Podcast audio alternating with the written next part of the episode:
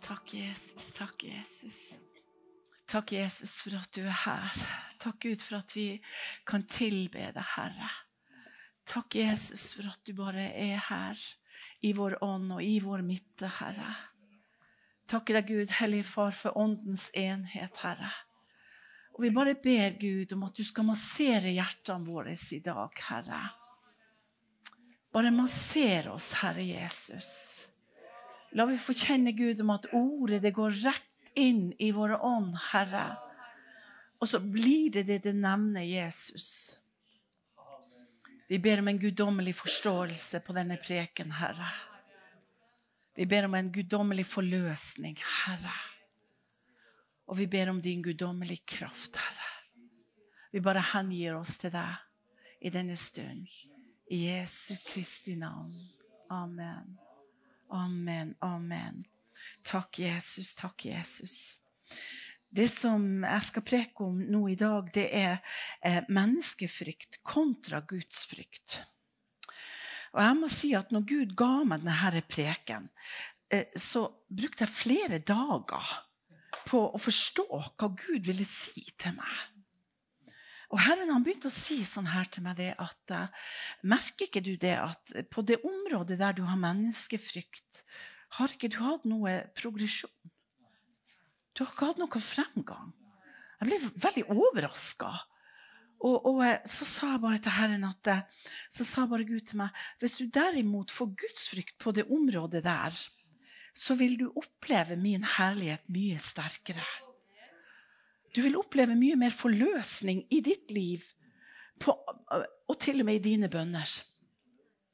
Og Gud viste meg til og med det at jeg hadde ikke rett gudsfrykt i mine bønner. Jeg lurte litt på er det riktig å be sånn. Kan jeg, kan jeg snakke sånn med Gud? Eller, jeg er jo så vant til å være på den hemmelige plassen med Herren. Og Gud sa til meg det at menneskefrykt spiller inn på alle områder faktisk også i vårt nære relasjon til Gud. I vårt lønnkammerliv. Og vet du, Gud ga meg en vidunderlig salme. Og der står det i Salme 118.: De som frykter Herren, skal sannelig si, Hans trofasthet varer evig. I dyp nød ropte jeg på Herren, og Herren svarte meg og satte meg i fritt lende. Herren er ved min side, jeg skal ikke frykte. Hva kan et menneske gjøre meg? Herren er for meg. Han støtter dem som hjelper meg. Altså mennesker. Derfor får jeg se ned på dem som hater meg. Det er bedre å ta sin tilflukt til Herren enn å stole på mennesker. Det er bedre å få sin tilflukt til Herren enn å stole på fornemme menn. Og her står det nemlig det å ha gudsfrykt, å stole på Gud, for stedet å stole på mennesket. Og når Gud ga meg denne salmen der, jeg bare kjente amen, amen i mitt liv. Og, og, på slutten av Salme 118 så står det Du er min Gud, og jeg vil prise deg. Du er min Gud, og jeg vil opphøye deg. Pris Herren, for han er god. Hans trofasthet varer til evig tid. Og så minte Gud meg på at når vi har menneskefrykt, så klarer vi ikke å se Guds trofasthet. For da kommer mennesket i sentrum, først og fremst oss sjøl og de vi omgås med. Når jeg spurte Gud Gud, hvorfor står det i Bibelen om at vi ikke skal ha menneskefrykt, men gudsfrykt, hvorfor står det da også i Efesene 6, vers 10, så står det da 'til slutt, søsken'. Det står jo ikke om noe menneskefrykt der. Der står det nemlig det at Gud han har bestemt oss til å gi oss kraft til å, te oss og ta på oss Guds fulle rustning. For at vi kan bli i stand til å bli stående på den onde dag. Og så sa jeg til Gud, Gud, hvorfor er det mennesker da som kommer i veien, som gjør sånn at jeg faktisk ikke klarer å stå? Hvorfor faller jeg med å begynne å baktale dem og, og, og tenke annerledes om dem når de er mine søsken? Så sa Gud for at når vi tar på oss Guds fulle rustning, så vi kan utenat, og, og, og vi er kanskje litt lei av å høre det, til og med, så sa Gud det er derfor det er så viktig å være bærer av Guds fulle rustning. For Satan vet kan han fange oss i menneskefrykt, så kler vi ikke på oss. Så klarer vi ikke å bli stående. Og Derfor tenkte jeg hvor viktig er det ikke da å snakke om å bli fri fra menneskefrykt? Å være bærer av Guds frykt. Og Herren viste meg i løpet av den tida vi reiser langs hele Norge så opplever jeg jo hvor mange mennesker som har menneskefrykt. Vi trenger ikke å gå lenger enn til levende ord, min gamle menighet. Jeg opplevde at det var så mye menneskefrykt der. Og i den menneskefrykten så ble det kontroll og manipulasjon. Det ble usikkerhet. Plutselig så stolte man ikke på naboen som man var satt ved siden av. Så tenkte jeg, hva er dette? Pga. mennesket kom så i sentrum og ble satt på en sånn pidestall. Her står det i Salmene 118. Vi skal ikke stole på mennesket, men vi skal ikke stole på heller de som har mye å skulle ha sagt, for å si det på godt norsk. På de fornemme. Vi kan faktisk ikke stole på mennesket, for det står i Bibelen det er bare en pust i Guds nese. Men når vi kan stole på søsken og brødre som er fylt med Den hellige ånd, så har vi Guds frykt i vårt hjerte. Satans listige angrep det er det at vi ikke skal kle på oss Guds fulle rustning, så vi kan stå imot djevelens listige angrep. Så bruker noen å si ja, men du skjønner, djevelen han bruker kjøttet. For alt det er verdt. Så sier jeg vet du hva, egentlig så er det ikke sant. Kjøtt er dødt. Og da må han jammen gå til gravplassen og hente det opp. Og da bruker jeg å si til meg sjøl min grav er i Karasjok, der jeg ble frelst. Og jeg kan ikke skylde på Satan at han begynner skal begynne å grave opp Anie sitt kjøtt. Når det står i Bibelen at jeg har dødd med Kristus. Jeg lever ikke lenger i meg sjøl. Og det livet jeg nå lever i troen på ham, i Jesus Kristus. Så jeg kan ikke skylde på kjøttet. For du skjønner, Er Satan en kløpper, så skylder han på kjøttet. Men vi må bli så voksen og så moden at vi må slutte med det. Det er dødt en gang for alle. Og Gud har gitt oss en oppskrift, og han sier hvordan vi skal bruke den oppskrifta. Både i vers 10 og 12 står det at rett og slett vi skal bli stående i vers 10 og 12. Efesene 10 og 12. Vi skal bli stående. Og du vet at vi skal ikke bli liggende og tråkka over av Satan. Vi skal bli stående som en hær som reiser seg i denne tiden, slik at vi kan bli stående og vinne seier i alle ting. Når Gud har gitt oss en tydelig strategi hvordan vi skal kle på oss Først skal vi bli sterke i Herren, når vi blir frelst og født på ny. Så skal vi kle på oss Guds fulle rustning så skal vi egentlig fortelle fienden hvem vi er. Når vi forteller fienden hvem vi er, så går vi ikke mot hverandre. Og du vet at Når Satan får vite det at vi ikke vet hvem vi er i Kristus Jesus, så bruker han det døde kjøttet for alt han kan. Og en sjel som ikke er blitt oppøvd i gudsfrykt med Gud, så bruker han det. Så forteller han da hvem fienden er. Og du vet, det vil ikke djevelen vite noe av. Vi skal vite det at makten er myndighetene, verdens hersker i dette mørket, ondskapens åndelige herskarer i dette himmelrommet. Når det står om maktene, så er det et ord på gresk som jeg måtte finne opp. Vet du hva? Ordet er faktisk arkas. Noe som betyr har sitt opphav langt tilbake. Det er en maktene det er den som har den øverste autoritet. Det er Satan. Og så er det verdens herskere i dette mørket. Det er, det er eh, å si, det, disse, Først kommer ondskapens ja, myndighetene. Et rike som utøver makt. Og så er det verdens herskere.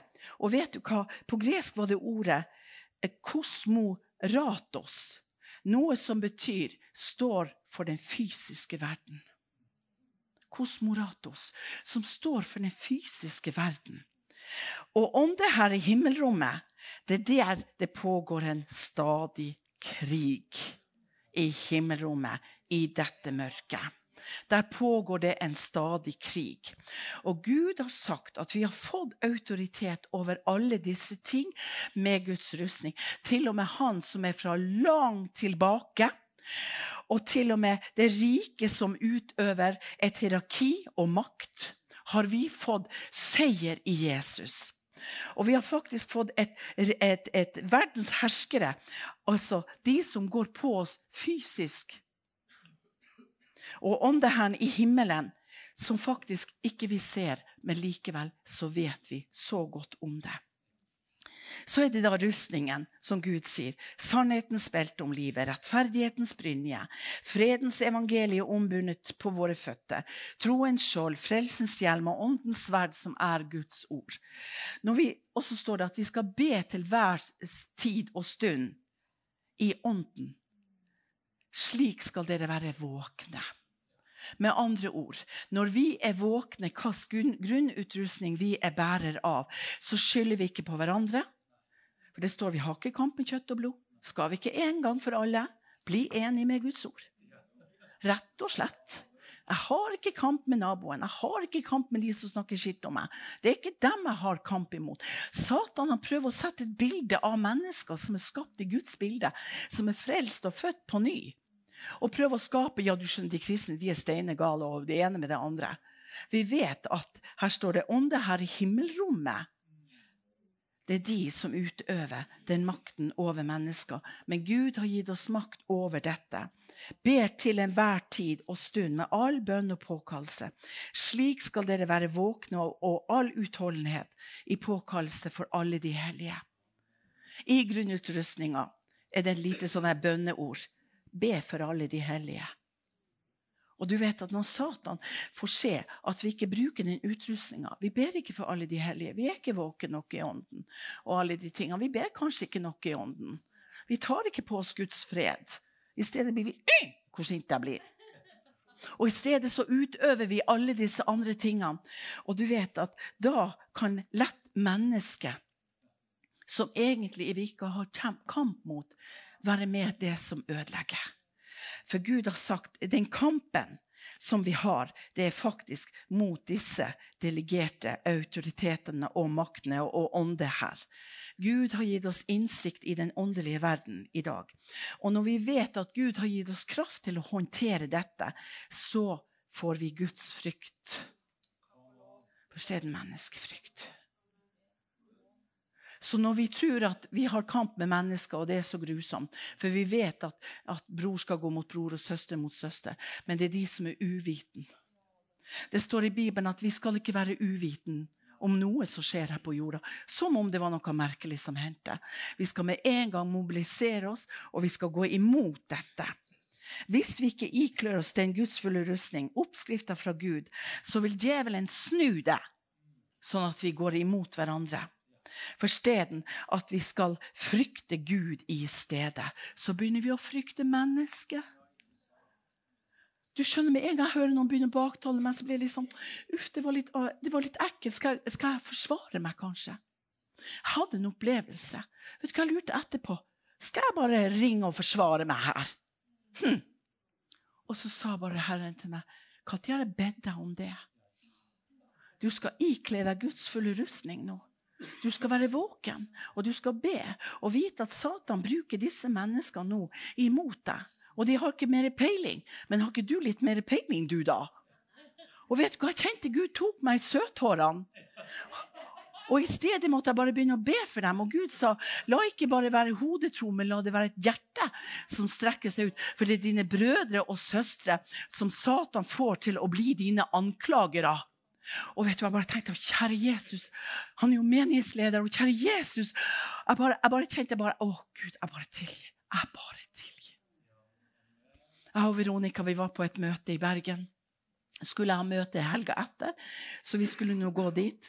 Plutselig er det en mann som bare begynner å si til meg Kunsten din er fra helvete! Den er demonisk! Alle hørte. Og jeg bare, jeg bare satt der, og Veronica ville stoppe han, så sa jeg bare vent litt. Og så sa han og dessuten, du kommer ikke å komme på møte neste torsdag og ha noe møte. Bare sann mine ord, sa han. Og kjefta og smelte og nesten død og grav og elendighet over meg. Så jeg bare satt der. Så sa jeg, vet du hva, du kan si hva du vil. Og da sa hun Veronica, i Jesu navn, bind tungen din i Jesu navn! Og så, og så forsvant han. Så gikk han bak til pastoren og tok mikrofonen. Hun er, hun vil ikke høre på et profetisk ord. Og, og det kommer til å gå ille med henne. Kommer til å bli syk. Og så tok pastoren mikrofonen ifra han. sa pastoren jeg tror du må gå og sette deg. Så gikk han og tok jakken sin og kjefta og smelte på meg for at jeg ville ta imot. Og da satt vi der, jeg og Veronica. Jeg bare sa, 'Herre, han er ditt barn.' Herre, han er jo din øyensten som du elsker. Kjære Jesus, han er jo broren min. Og du vet, jeg vet hva, jeg begynte nesten å gråte på hans vegne. Rett og slett. Og jeg kjente ikke det på en plass, på en prikk, at han hadde skjemt meg ut. Jeg kjente ikke det på en prikk. For jeg kjente bare det. Denne mannen, vet du hva? Denne mannen elsker. Det står i Galaterne 1, 10-12. Prøver jeg nå å bli anerkjent av mennesker eller Gud? Hva vil vi, folkens? Menneskefrykt gjør sånn at vi ønsker å bli anerkjent av mennesker. Jeg husker Det var ei som brukte å reise sammen med meg før. Og vet du hva, Hun brukte så lang tid for å fortelle hvor fantastisk preken var. Vet du hva, Til slutt så sa jeg vet du hva, det er helt unødvendig. Vet du hva, Jeg har gjort det Gud ba meg om. Ferdig arbeid. For det ble så innmari intens. Det er greit at man kan få ros og man kan få oppmuntring, og alt mulig, men det ligger ikke på det planet. Men her var noe sånn himla urent. Jeg kjente det var nesten sånn en sleip ål som bare glei nedover. Vet du hva Jeg sa Jeg trenger det ikke. Ja, men Det er viktig at du får det, for du skjønner det at plutselig kan Satan stå foran deg og si at du var dum. og di, di, di, di, di. Så sa jeg, vet du hva, glem det.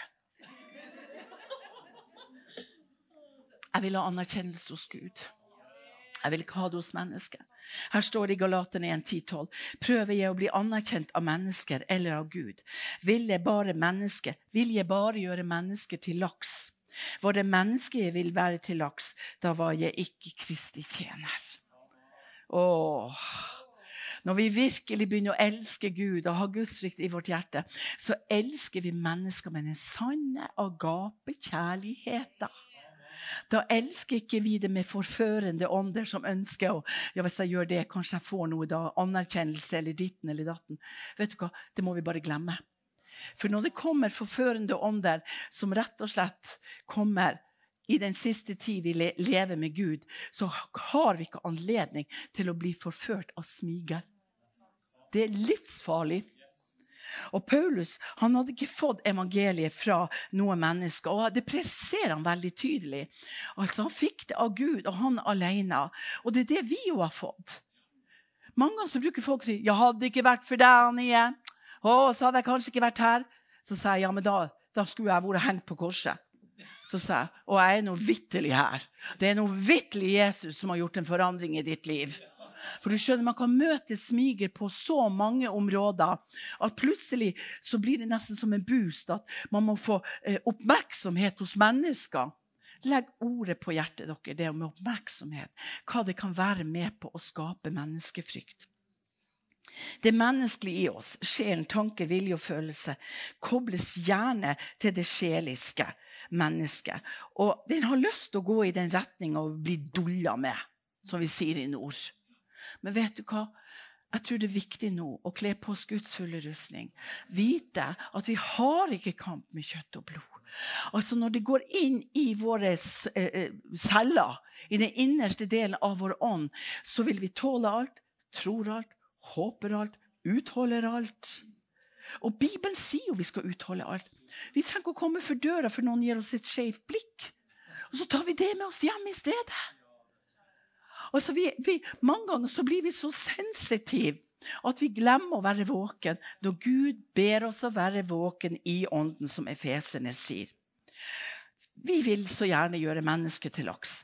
Og dermed så går vi på kompromiss med Bibelen.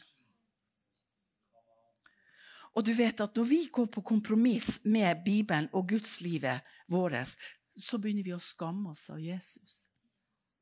Og det står så fint i Romene 1, 16-17.: For jeg skammer meg ikke over Kristi evangelium.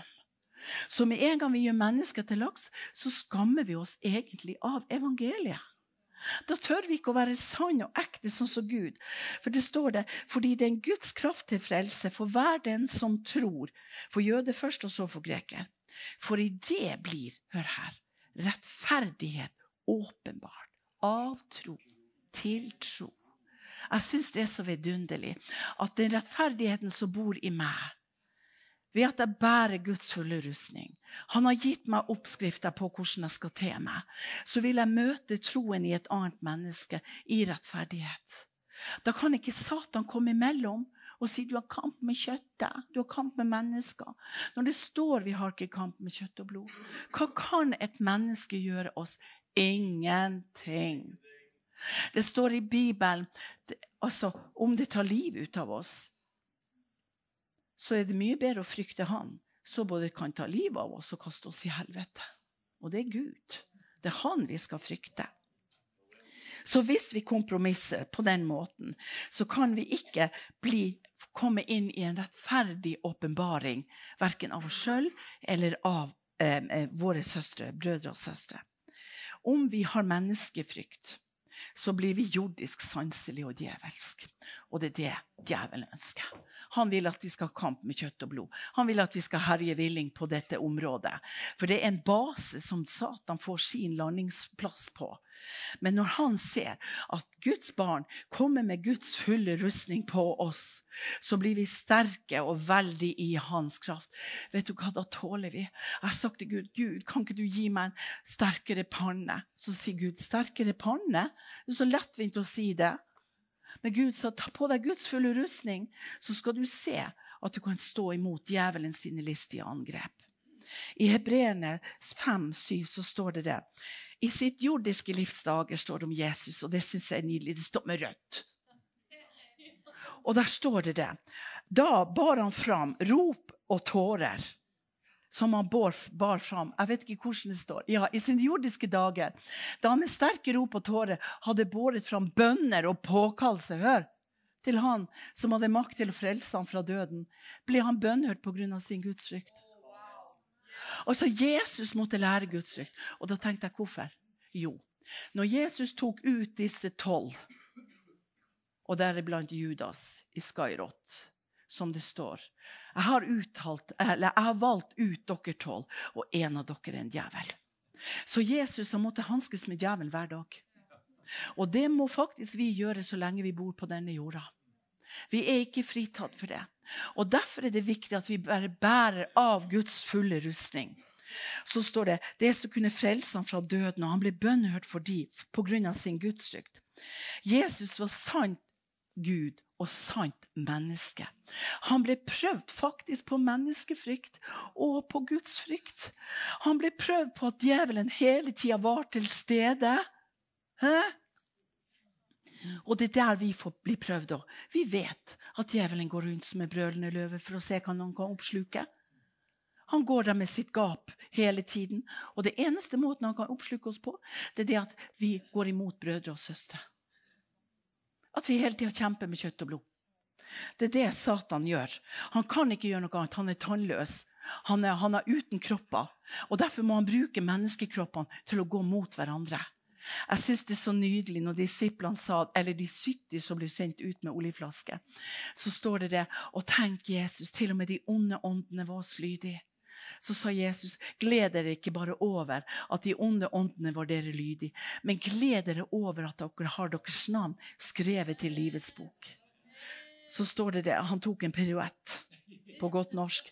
Så står det det, Da snurret han rundt, eller han frydet seg, står det. Og så står det det at fordi at jeg så Satan falle ned fra himmelen som et lyn. Er det ikke alvorlig? Han har ikke kropp, men han har en ånd og Gud sier at den som tilber Gud, skal tilbe Gud i ånd og sannhet. Vi kan ikke beseire noe som helst i mennesket, i det kjødelige. Så vi kan bare legge oss flat med en gang. Gud ønsker og har gitt oss en oppskrift. Eh, jeg snakka med Jan Helge i sted, og så fortalte jeg det at det er en historie i Bibelen som, Jesus, som Gud sier at hvis du frykter for dem eller er redd dem, så skal jeg gjøre deg redd for dem. Er ikke det et alvorlig ord? Og det står i Jeremia. Jeremia han var en profet, og han var kalt av Gud vet du hva han innrømmer at han er redd. Han sier bare 'Gud, jeg og jeg er jo bare en ungdom eh, nå'. Men i vers 6 så står det det at Jeremia sa 'Herre Gud, se, jeg kan ikke tale, for jeg er bare en ungdom'. Så forsikrer Gud Jeremia, og så sier han, 'Du skal ikke frykte, fordi Gud vil utfri deg'. Frykt ikke for dem, altså menneskene. Altså Gud rørte ved Jeremia sin munn. Og det er faktisk eh, eh, det er faktisk vår munn som kan felle oss. Mange ganger oss tenker vi liksom Hva er det som kan felle mitt liv? Jo, det er vår munn. Jeg må bare lese det som står her. Det står i eh, Skal vi se Hvor var nå Jeremia hen? Her, ja. Det står Så skjønte Jeremia. Da svarte jeg, Å Herre, Jeremia 1, eh, vers 6. Da svarte jeg, Å Herre, Gud se, jeg kan ikke tale, for jeg er en ungdom. Men Herren sa til meg, si ikke. Jeg er bare en ungdom. Men du skal gå til alle til dem jeg sender deg til, og alt det jeg befaler, skal du tale. Frykt ikke for dem, for jeg er med deg. Jeg skal utfri deg, sier Herren. Og så står det videre hva Gud vil gjøre med han Jeremia.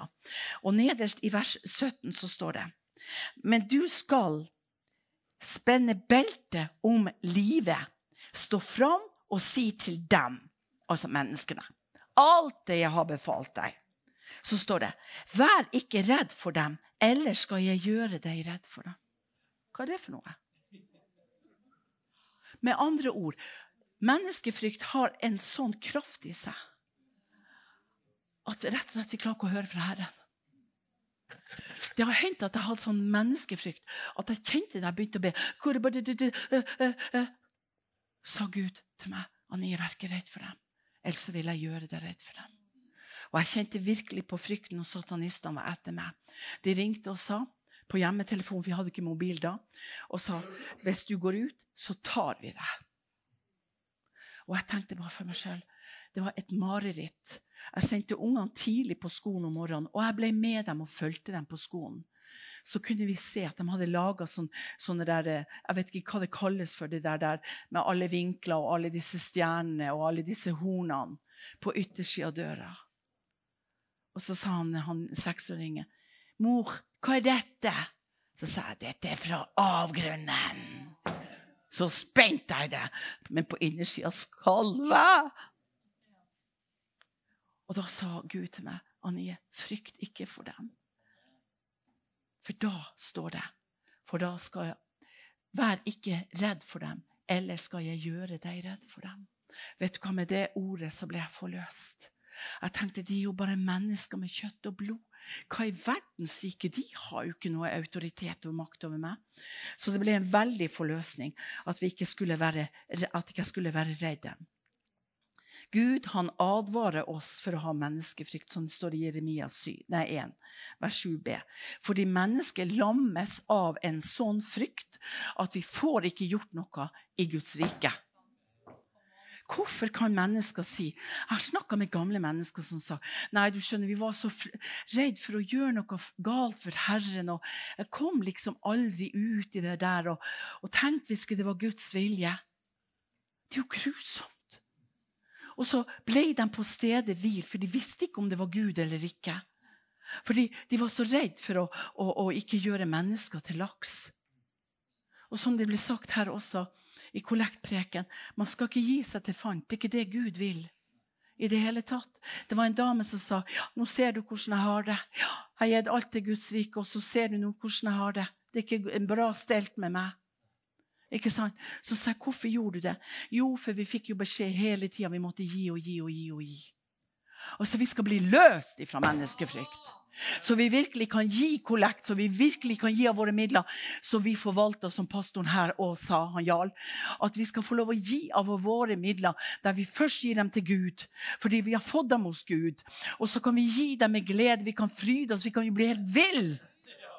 Det har hendt at når jeg har fått lov til å gi noe Jeg har sagt til Gud vet du hva, jeg er så overlykkelig, jeg holder på å sprekke. Rett og slett. Som Jarl òg sa. Dere så jo han holdt på å sprekke i sted. Han gjorde bare sånn her og alt mulig. Jeg vet ikke alt mulig.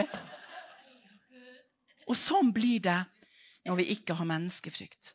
Derfor må vi nøye legge vekt på ordet og stå imot. Derfor må vi legge nøye vekt på ordet og hva ordet, hvilken oppskrift Gud har gitt oss. Hvis ikke så kommer menneskefrykt, og det skyter oss ut av den arena som Gud har bestemt for oss. Da kan vi falle i skuffelse. Da kan vi falle i manipulasjon. Ikke bare det at andre manipulerer oss, men vi begynner å manipulere andre for å få igjennom Guds vilje. Og så er det bare ren menneskefrykt, stolthet, bitterhet.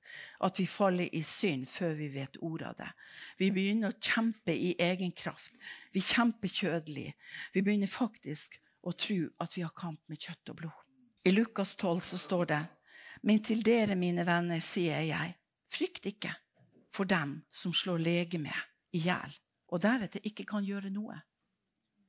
Jeg tror kanskje at vi kan komme på en plass i ånden der vi ikke er redd for vårt eget legeme. Vi er ikke redd for vårt eget legeme, for det er jo Guds sitt. Vi er tempel for Den hellige ånd. Halleluja. Vet du hva Vi kan gå inn på alle slags arenaer, og vi bare vet at vi er lys og salt, og vi er kraft. Vi har ingenting å frykte, for vi frykter nemlig ikke mennesker. Halleluja. Og jeg tror det er derfor den endetidspreken jeg har. For vi kommer til en endetid av vårt liv og av denne verdens tid der vi rett og slett skal være rusta opp til å ha en sånn gudsfrykt at vi ikke frykter mennesker. For da lever vi heller ikke i manipulasjon og kontroll. Som vi har sett, det, har, som, det som skjedde i Bergen, det er, jo, det er jo offentlig. Det var frykt, det var manipulasjon, det var kontroll.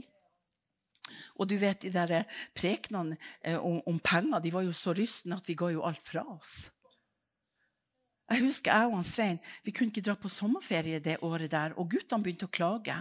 Og, så sa, han, og han var ikke frelst. Vet du hva han sa? Gå til din mor.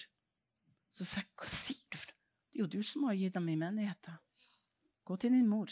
Nå kan du forsvare deg overfor guttene hvorfor ikke vi kunne reise til Syden På grunn av at det ble manipulert. Kjære Jesus. Jeg bare sa, Gud, tilgi meg. Og du vet at når vi kommer inn i menneskefrykt, så blir vi manipulert, og vi gjerne manipulerer andre. Og Gud sier at vi skal frykte Gud. Vi skal ha Guds frykt. Den historien som jeg har lyst til å ta til slutt, har jeg lyst til at dere virkelig skal ta inn over dere. Den er så alarmerende. Den er så kostbar at det må vi rett og slett forstå både med hode, kne og tå. Fordi det er om han Saul. Og det står det om at han Saul det er faktisk til en voldsom advarsel til oss. Hvor menneskefrykt endte med at han ødela sin gudsrelasjon. Og kallet sitt, gudsdyrkelsen, familien sin og seg sjøl. Det står om at han til slutt så ble han så sta at når han var i denne krigen og Gud ikke var med han, for at han, verden ikke skulle se at han ble drept av fienden, tok han sitt eget liv. Samme dag ble tre av hans sønner drept. Det er så alarmerende. Og da er det Samuel da får vite hos folket i Israel. Vi vet at Gud salva konger og salva profeter i Gamle testamentet. Og da var det jo Samuel som var en profet fra han var en liten gutt. da.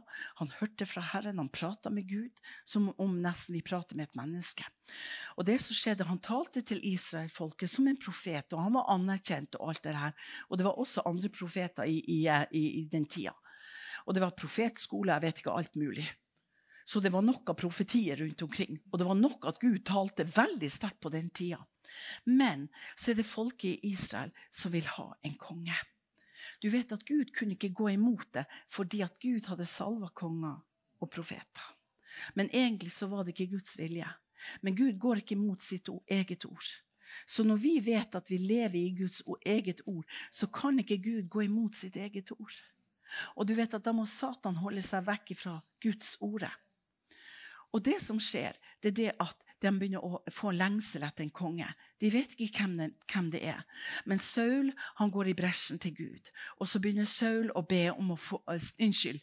Samuel begynner å be om å få en konge. Da får han høre fra Herren det.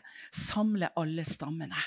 Og når han samler alle disse tolv stammene, så er det én stamme som skiller seg ut, som Gud peker på. Det er Benjamins stamme som er det minste.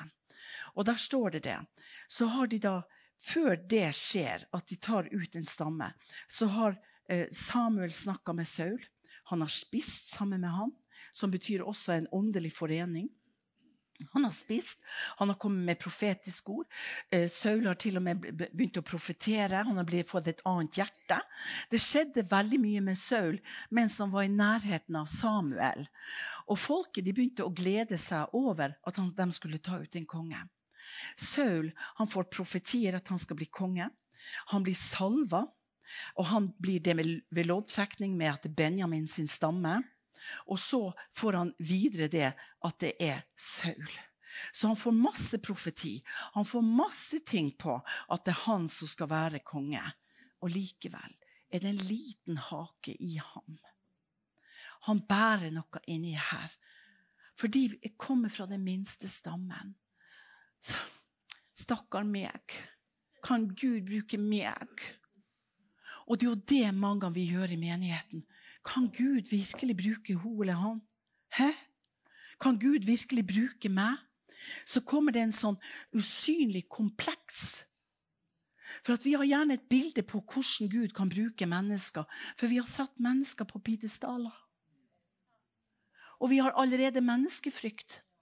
Og det var det Saul hadde. Han hadde satt uh, si, kanskje både Gud og enhver mann på, på en pidestall. Men så står det det, han var vakker. Han var en skulderhøye høyde høyere enn alle de andre. Og de applauderte. To ganger fulgte loddet på at det skulle være han. Men det som skjer da, da går han i våpenhuset og gjemmer seg. Og når de skulle liksom få han frem, da, så lurer de på hvor i verden er typen. Men vet du hva? Så hadde han gått i våpenhuset og gjemt seg. Skjønner du? Er ikke det det også menneskefrykt gjør? Vi gjemmer oss for Gud. Det er det vi egentlig gjør. Vi hindrer at Gud kan bruke oss ved menneskefrykt. Og det som skjer da med han, at folket de, de, vil ikke høre på Samuel. De vil ha en konge for enhver pris. Og dere vet, når, når de applauderer hele gjengen, så måtte jo han tro det til slutt. Sauls kom, sine komplekser er menneskefrykt på et høyt plan. Og derfor skal vi si den som Gud elsker mest, det er meg. Ikke sant? Skal vi ikke begynne å si det? Den Gud elsker mest, det er faktisk meg. Det er ikke egoistisk engang. Men du skjønner det, man har lett for å overgi det til andre, de som kanskje ser at de står på en plattform eller de gjør et eller annet. Så mister man faktisk det der nære eh, fellesskapet med Gud. Faktisk så undergraver Saul Guds hensikt med hans liv. Og vet du hva? Når han undergraver hensikten med sitt liv, selv om han har fått alle de flotte tingene Han har fått loddkasting, han har fått salvelse, han er blitt uttalt til konge. Folket reiser seg og klapper, og alle syns det er skjønt. Og ikke bare det, men han får en stor delegasjon som skal følge han hjem. For at han skal være beskytta. Han skulle med en gang få en hær av Israels hær som skulle beskytte ham. Men så er det to menn som står der. Han lurer på om han blir noe god konge for oss. Det fikk han til å falle. Enn hadde han fått alt andre. Hvor mange profeti skal vi få? Og velsignelser og forbønn før vi tror det. Og så kommer Satan. Er du helt sikker på at du er kapabel til å gjøre det? Nei, jeg, nei, jeg er ikke det. Så står det det. Og disse to menn sto der litt eplekjekk, og så står det det. Og de gav han ikke gaver. Saken er den at når vi trenger menneskelig anerkjennelse, det er som å få en gave.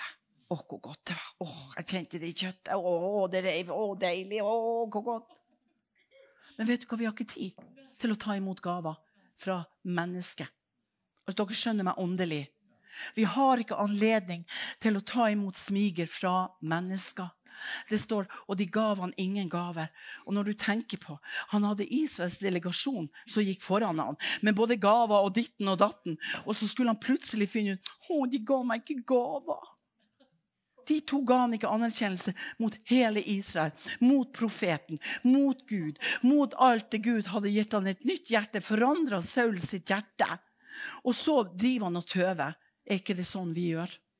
Har ikke jeg gjort det mange ganger? Vi vi snakka i helga med en som hadde fått et profeti som hadde degradert han. Og han sa han kjente veldig smertene på det området der. Og da tenker jeg, Mange ganger så skal det så lite til pga. at vi er litt sensitive. Og vet du hva, Vi har ikke tid til dette. Og da må vi på å si, fostre hverandre. Oppmuntre hverandre. Men ikke dikke med hverandre. Må si 'kom igjen', ta deg sammen, Ola Nordmann og Kari Norsk. Ta dere sammen og ta imot det som Gud har gitt oss, sånn at vi kan få lov til å leve gjennomsiktig for hverandre, gjennomsiktig for Gud, og vite at Gud elsker meg mest. Når vi vet det, så elsker vi hverandre med Jesu Kristi kjærlighet på dypet. Tenk at dette var noe i 1. Samuel 10, 26. Men noen onde menn kom og sa, 'Hvordan kan den mannen redde oss?' De foraktet i han og ga han ingen gaver. Men Saul bare tidde. Vet dere hva? Han kunne gi det til Gud. Det var det Jeremia gjorde. Han sa, 'Å Gud, jeg er redd jeg er ung. Hvor skal det gå med meg? Skal jeg tørre å stå imot alle denne gjengen?' Men Gud sa, 'Vær ikke redd for dem, ellers vil jeg gjøre deg redd for dem.' Her står det nemlig det om han. Han tidde. Kunne ikke han ha gitt det til Gud mens han satt på den hvite hest? En delegasjon av Israels hær var rundt han. Kunne ikke han sagt herre, det der var jo bare småtteri, det der tar ikke jeg imot. I stedet så ble det grobunn i hjertet hans til ødeleggelse som krevde faktisk Saul sitt liv. Og det er jo det som hindrer oss å flyte i nådegavene og tjenestegavene sammen med Gud og tjene Gud i menigheter. Og mange menigheter sier nei, du skjønner, jeg er noe ingen, ingen ser meg. Men da må du se til at du blir sett sjøl, da. Og være trygg i Gud. Ha gudsfrykt til å kunne tørre å si vet du hva, jeg har den tjenesten. Jeg kjenner det. Har dere bruk for meg til å vaske toalettene hver helg? For eksempel. Da må vi ikke bare tenke sånn så Nei da, du, du, han må se meg. Pastoren må se meg. De må applaudere. De må gjøre alle ting. For du vet at det er derfor mange ganger menigheter ikke går rundt. At det er enkelte mennesker som holder på å slite seg ut. Fordi at man får en følelse av at man ikke blir sett. Og da får man menneskefrykt. Sauls sjalusi var med på å ødelegge forholdet mellom seg og David i 1. Samuel 23, 15-18. Men heldigvis seinere så ble det reparert ved at David var pågående. Det er så nydelig å lese at når Saul satt og bommelommet Og det står om at han hadde sverdet ved siden av seg. Ikke sant? Og David kommer bakenfra, og han ser han sitter og bommelomme. Så får David en sånn gudsfrykt. Han sier, 'Ja, men Herre, dette er jo en mann du har salva.' Du har jo salva denne mannen som sitter og bommer om her. Men så sier Gud, skjær en liten flik av kappen hans for å vise han at du frykter Gud mer enn du frykter Saul. Er ikke det fantastisk? Skal vi ikke gå med en liten flik, vi også, i lomma? Som vet med oss sjøl at vi frykter ikke mennesker, vi frykter Gud, Herren. Og det som skjedde da når Saul ble åpenbart den stoltheten han hadde, så står det det, så kom det en ond ånd inn i Saul. Fra Gud. For han frykta mennesket. Og den frykten der gjorde sånn at Gud kom ikke til. Uansett om Gud ville, for Gud elska Saul. Gud hadde utvalgt Han sagt ja til at han kunne bli, bli, bli, konge. Så det lå ikke på Guds kjærlighet, men fordi at han mistenkte Gud og mistenkte, så er det det at han tar sitt eget liv til slutt. Saul degraderte seg sjøl, og en mann som hadde begynt å sammenligne seg med han David. Hør her, folkens. Med en gang vi sammenligner oss med hverandre, så dør det noe guddommelig inni oss. Jeg husker På bibelskolen så eh, ble jo søstera mi frelst. og Så tenkte jeg ja, vi kan jo gå i lag på bibelskolen. Og det var rent imellom oss. Så kom det en dame. Så sier hun litt, sånn, litt frekt, hun Eli. «Mm, du er så ny på veien, så uh, si meg én ting. Måtte din søster bli såkalt krykker for deg her på bibelskolen? Så Eli, krykker? Hva du mener med krykka? Ja, skulle hun være din moralske vokter? Du er jo så ny på veien vet du hva, så merka jeg at hun Eli tok litt avstand til meg. Min egen søster. Så sa jeg til henne liksom, vi kjørte henne hjem og hadde klem, klem. og bare, Kjære Gud, jeg skal møte henne i morgen tidlig neste klokka seks om morgenen. Kjære Gud, Jeg lå hele natta og ropte Gud, Gud, hva som er kommet mellom meg og søstera mi. Så sier jeg til Eli, har det kommet noe? Nei! Så sa jeg, du din storlyker'. Enten sier du sannheten, så går du ut av bilen. Vet du hva hun sa? Du vet hun der, hun der kjerringa i går For Vi bruker vanligvis ikke å si sånn nordnorske ord om damer. Men da sa hun det. Hun der kjerringa i går som du kjenner. Hun sa jo liksom at om du var min moralske vokter og krykka og alt det her så, Og da kom det en sånn sammenligning. Vet du hva søstera mi sa til meg? Du har jo mye lengre ben enn meg. Skjønner dere? Hæ? Jeg sa what? Du er 1,70, ja, jeg er 1,80. Hva betyr nå det? Ja, jeg tenkte så på det i går at du, du har nå fått de der lange bena. Skjønner dere hvor grusomt? Hæ? Så måtte vi bare ta et oppgjør i bilen og kjøre i kø og gråte og be og bryte disse ordene. For jeg visste hvis ikke vi brøt dem i Jesu navn, ga det til Gud, for se når tie som Søl gjorde. Det står det, Han tidde når de sa det til han.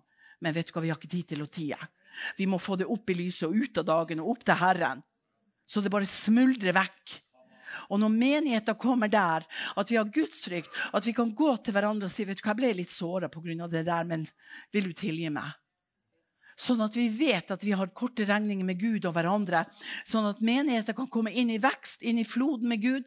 At alle kan komme på dekk og begynne å arbeide. Så at vi ikke blir noen løse kanoner på dekk som herjer villing når vi står i krigen. Må vi vite hvilket våpen vi har, vi må vite hvilken stilling vi har i Gud. Vi ikke bare, som Jonah bare kryper under der og later som ingenting. Vi har ikke tid til dette. Så det er så trist å se hvordan Saul krevde Davids tillit med kontroll og manipulasjon. Inntil David, at han kom og spilte for harpe for han, så at han kunne få litt fred i sjelene. Du vet at gudsfrykt gir oss fred i sjelen. Menneskefrykt gir oss ufred i sjelen. Da må vi hele tida nyte og yte for stedet å være fri i Den hellige ånd. Davids gudsfrykt var så påtagelig at han visste at det var en ond ånd som var kommet over Saul. Og likevel dro han dit og spilte harpe for ham. For at han skulle roe seg ned. Og Derfor tenker jeg, la oss ha en harpe i våre hjerter. La oss ha en gudsfrykt, sånn at vi heller kan roe de ned og hjelpe de menneskene som er bundet i menneskefrykt. At vi kan løse dem, sånn at rett og slett ikke det skjer noe vondt med oss. Det står så fint i Bibelen. For hver den som bekjenner meg Hvor står det? Eh, Matteus 10. For hver den som bekjenner meg Eller for menneskene skal jeg også bekjenne for Faderen i himmelen. Matteus 10 eh, og utover skal jeg bekjenne for min far i himmelen. Og et annet sted står det der skal jeg bekjenne for min far og mine engler. Og da står det det også. Men den som fornekter meg for menneskene For det er det vi gjør. Ved menneskefrykt så fornekter vi faktisk guddommen i oss og guddommen i andre mennesker hvis vi driver på på denne måten. Menneskefrykt mister dømmekraften. Skriv ned. Det er som har lyst til å si. Skriv ned. Menneskefrykt mister dømmekraften I ordspråkene 29-25 så står det menneskefrykt fører en i snare, men den som setter sin lit til Herren, blir berget. En annen oversettelse så står det menneskefrykt altså, gjør sånn at vi faller og blir liggende. Er ikke det grusomt? Menneskefrykt faktisk er feig, puslete, fryktsom og til slutt troløs. Og jeg tror det er derfor òg at det faktisk er mange troløse kristne i dag. For de har ikke gudsfrykt. Gudsfrykt med nøysomhet. I alle ting i livet vårt, i det vi gir og det vi gjør. Menneskefrykt som jeg sier, gjør oss feige. Det produserer faktisk en oppførsel som er jordisk, sanselig og rent djevelsk. Som jeg har sagt, det kan bli kontroll og manipulasjon. Herren er med meg. Herren er med oss. Vi frykter ingenting. Hvem kan gjøre oss noe? Når Gud er med oss, da frykter vi ikke mennesker. Tenk I Hebreerne 13,6 så står det Derfor kan vi frimodig hør her, si Herren er min hjelper. Jeg skal ikke frykte. Hva kan et menneske gjøre meg? Åh! Vi har det svart på hvitt. Rett og slett. Når vi frykter Herren, så frykter vi ikke mennesker. En gammel mann sa en gang, 'Slutt å kjempe i kjødet'. Slutt å være på lag med Satan. Kjemp i ånden. Vit at vi har Guds fulle rustning, som holder oss våken i ånden. Hvor mange ganger kommer ikke også djevelen rett inn i ekteskapet? Hæ? Jeg kunne vært på det herlige møtet. Halleluja, jeg var så lykkelig. Kommer jeg inn, og plutselig et lite skeivt ord. Så tenkte jeg, hva var det for noe? Kunne han Svein hva i verden så ikke blir du fornærma? Ikke fornærma. Så setter jeg meg litt langt bort i sofaen. Og så tar han gjerne fotene mine og sier du har jo stått i hele helga. Skal jeg balansere fotene dine? Nei. Har ikke lyst. Hva var det som stakk? Vet du hva, Jeg må si noe som Joyce Meyer sa. Når det kommer sånne åndsmakter og, og, begynner å forpurre kjøttet, så gå ikke så langt ned i navlen at du kommer opp igjen. For da tar det dagevis. Da går man og gnager på det der dagevis. Men sånn kan det være i menigheten også. Hvorfor er det mennesker som uteblir i menighet? For det blir fornærma på en så liten fillesak. For stedet at vi skal gi plass til Gud. Og den gamle mannen han sa også det. La ikke mennesket bli en plattform for Satan. At ikke du ser dem som en plattform, og at ikke du har en plattform for Satan. Vær våken, for djevelen går rundt som en brølende løve. Og så kommer det for å se hvem han kan oppsluke. For å se. Satan ser hvordan vi ser ut i den åndelige verden. Han ser om jeg har fredens evangelie på mine føtter. Han ser om at beltet er der, eller om det henger og slenger, og alt henger og slenger. Han ser det. For det står jo svart på hvitt. For å se hvem hva han kan oppsluke. Hæ? Er ikke det helt utrolig? At ikke Guds ord får lov til å være dette skjoldet med en gang jeg får sånne der sure greier, og jeg sjøl blir sur, og så Oi, hvor er sverdet? Nei, det la jeg visst tilbake i bilen eller i kofferten, eller Forstå å vite det. At han ser. Han er åndelig. Og Gud sier at vi skal tilbe Gud i ånd og sannhet. Vi skal ta på oss Guds fulle rustning. Og det er jo ikke noe sånn rustning som vi går rundt og skrangler med. Det er rustning som sitter godt fast. For at vi skal være i den fatninga som Gud sier at vi skal være. La oss elske hverandre, sa en gammel mann. For at vi ikke skal bli til mat for djevelen. Her står jo at han skal oppsluke. La oss ikke bare oppleve at han sier åh, det var et godt måltid, og så raper han litt. Men mange ganger så vil Gud vise oss sånne bilder. Hæ? At vi ikke hører drap i åndeverden bak oss og sier åh, det der var deilig. Middag og han gir i dag. Hæ? For det er jo grusomt. La oss virkelig svelte han. La oss virkelig vite selv om han går rundt som en brølende løve for å se hva man kan oppsluke, så la oss virkelig be for hverandre. Vi tre vi har også en bønn om at Gud må bevare oss sammen i åndens enhet, beskytte hverandre, så vi taler vel om hverandre, at vi forstår hverandre. At vi kan komme fram med ting hvis ting er vanskelig. Vær våken og vite at djevelen går rundt som en brølende løve for å se hvem han kan oppsluke. Jeg må si at jeg, Mens jeg holdt på med denne preiken, så våkna jeg en morgen. Det, bare, det kom så mye i hodet mitt. Og så tenkte jeg Jeg ble veldig overraska. For det kom masse, ikke liksom hva jeg skulle gjøre den dagen, eller at jeg skulle stå opp. Nei, det kom masse sånne ord som bare pepra meg litt. Vet du hva jeg sa? Satan, ti stille. Jeg gidder ikke å prate med deg. Rett og slett. Jeg gidder ikke. For det er det djevelen vil. At med en gang vi får noe i hodet, så begynner vi å prate. Unnskylde oss eller bli enige.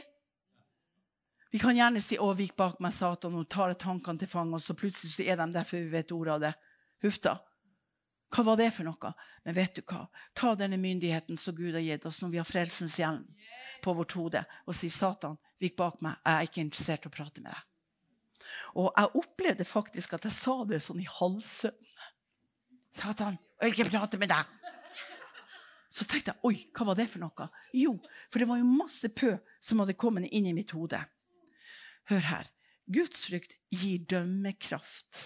Gudsfrykt gir oss nåde til å prøve ånder, til å kjenne stemmen, Guds stemme i vår ånd.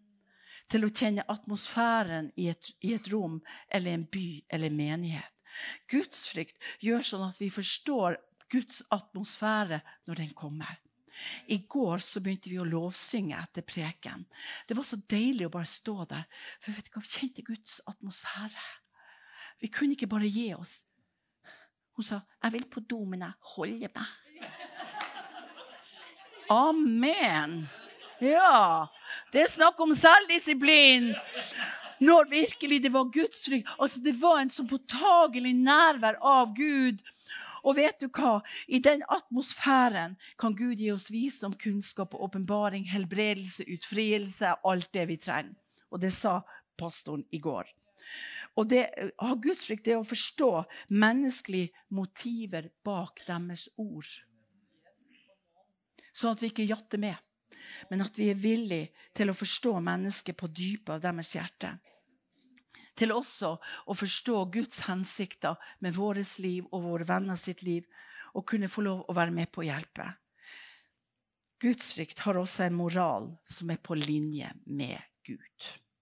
Å bli sensitiv hvordan vi snakker, hvordan vi håndterer situasjoner, og hvordan vi ter oss.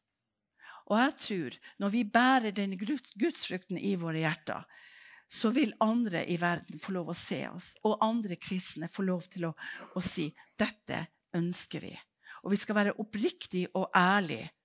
Det står i Bibelen dømte vi oss sjøl, så ble vi ikke dømt. Dømmes vi, så er det fordi Gud dømmer oss for at vi ikke skal bli dømt sammen med verden, står det. Men dersom vi dømte oss sjøl, i 1. Korinterne 11, ble vi ikke dømt men når vi blir dømt, refses vi av Herren for at vi ikke skal fordømmes av resten av verden. Vi skal ikke være med i den klanen der. Det gjelder vårt hjertes motiver. Og jeg tror at når Gud får fri oss ifra menneskefrykt, og får lov til å leve i Guds fullkomne vilje, så trenger vi ikke menneskelig forfremmelse eller smiger eller gaver som skal være med på å, å kille litt i sjelen. For da vet vi det, at vi er i Guds vilje. Saken er den at når vi har menneskefrykt, så har vi lett for å få forakt for mennesket. Jeg har opplevd at jeg har hatt forakt. Jeg har opplevd at andre har forakta meg. Hatt hån, ironi, latterliggjørelse, ringakta meg, vært spottende og spydig. Det var en dame som sa til meg ja, Hun reiste med meg, det her er mange år siden. Så sa hun det er noe gøy å reise med en predikant. altså Du ser noe ut som ei barbiedukke. Og så bare, he, he, he, bare lo jeg det av meg. Men du, hun fortsatte. Det ble verre og verre og verre og verre. Til slutt sa til vet du hva, den spydigheten din, du, det er rot der. Å nei, jeg mente det ikke. Hun kunne si så folk hørte det. Rett etter et møte kunne folk komme og si å, det var så fantastisk. Å, ikke si det, hun blir høy på pæra. Altså, det var så voldsomt. Det var ikke bare litt at vi kunne tulle litt med hverandre, men jeg kjente det var en brodd i det. Og du vet, med en gang det blir en brodd i det, så blir det eh, smerter i den spydigheten der. Fornærmelse kommer, det blir en affekt, det blir en forvirring som slår oss ut. Og Derfor sier Gud at vi skal ha Guds frykt og ikke menneskefrykt.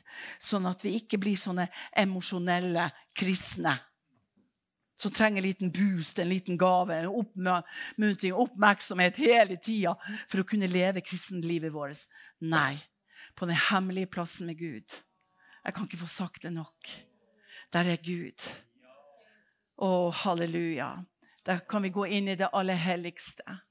Å, der kan Gud få lov å kle oss, få lov å dekke oss med sin skjønnhet og sin herlighet.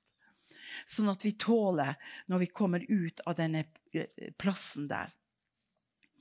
Og når vi leser om alle disse profetene, at gudsfrykt de vågde å konfrontere Roma midt imot, som han Paulus gjorde. Kjære Jesus. Jeg må si at eh, jeg syns det er spennende å lese om han Paulus. Vi vet jo det at han sa at jeg er bare et ufullbåren foster. Han er den ringeste blant alle. Han er ingenting. Og Det betyr også det at vi må ikke komme i en sånn fallgruv at vi tror nå at vi har noe spesifikk. Fordi at uh, det, det, er noen som eh, Jeg må bare si bitte litt om dette. Men det er en kvinne som trodde at hun hadde fått en spesifikk utdrivelse som ingen andre hadde fått. Og det førte henne til fall. Bibelen sier vi ser stykkevis og delt. Vi trenger ikke å bli høy på pæra eller tro at vi har fått et spesifikt privilegium. Det kan faktisk være med på å avle menneskefrykt for stedet å avle gudsfrykt. Så vi kan jo saktens rose oss av evangeliet, for det sa han Paulus. Han vil ikke rose seg av seg sjøl, at han var noe spesiell, men han vil rose seg av Jesus Kristus og han korsfesta. Og jeg tror at når vi vet at vi står på lik linje, så ønsker vi å gi alle andre det beste, ikke det nest beste. For hvis vi bare er opptatt av oss sjøl, så ønsker vi rett og slett å gi de andre nest beste. Bare at jeg får det beste. Det er ikke det som betyr å, at Gud elsker meg mest. Det betyr at i den graden jeg elsker Gud og elsker meg, så vil jeg elske de andre. Det er en hemmelighet. For det kommer dager nå der det kommer en vekkelse. I kjølvann av denne vekkelsen kommer til også til å bryte løs en forfølgelse. Og Da er det viktig at vi har festa blikket på Jesus, at vi virkelig vet med oss sjøl vet du hva, jeg trenger ikke å få rosa mennesker for å overleve dagen. Jeg trenger ikke å skrive hjem om alt det som skjer. Jeg tar det sammen med Herren, sånn at vi kan være skodd i denne tiden vi lever. Jeg har lyst på slutten nå at dere som vet med dere sjøl at dere har lidd ut av menneskefrykt, så må vi ikke tenke sånn som Nei, Gud, hva tenker de andre om meg? Nå kommer jo jeg frem. Jeg som er så sterk og klarer det meste. Men kanskje du har menneskefrykt på ett punkt som faktisk hindrer Gud å komme til med sin flyt over ditt liv. Til å gjøre det komplette som Gud har kalt deg til. I din familie, uansett hva det skulle være, smått eller stort. Sånn at dere som ønsker å komme fram, så bare tar vi og legger hender på dere og løser dere ifra menneskefrykt. Men før dere kommer fram, så sier dere bare til Gud hva den frykten innebærer. For dere trenger ikke å si han verken høyt for meg eller for andre eller for pastorene her. At dere sier det høyt i deres hjerte. Ikke vær som Saul. Han tidde. Men si det til Gud. Si, vet du hva, dette har jeg gudsfrykt for. Altså, det var en mann som sa jeg har veldig frykt for økonomien. Jeg tjener godt. Jeg vet med meg sjøl jeg klarer å betale regningen. Jeg har til og med ting til overs. Men det ligger en sånn frykt når det gjelder økonomien. Det, det, det, er noe som hindrer meg i å stole på Gud. Jeg stoler ikke på mine egne penger i banken engang. Så sier jeg, hvordan kan du da stole på Gud?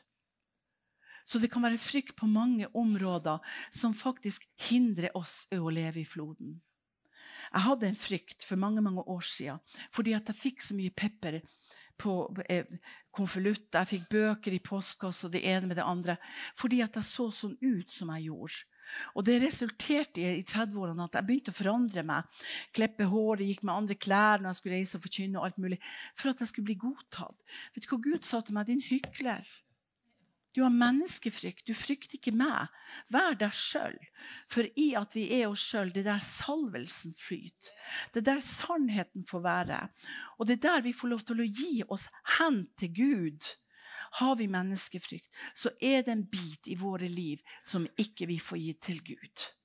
Så jeg bare jeg anbefaler dere, Er det noen her som ønsker det, så bare legger vi hendene på dere. Vi bare løser dere ifra det som dere har sagt til Gud, og ti ikke. Jeg sier rett ut benytt sjansen, for det har jeg gjort tusenvis av ganger. Amen i Jesu navn.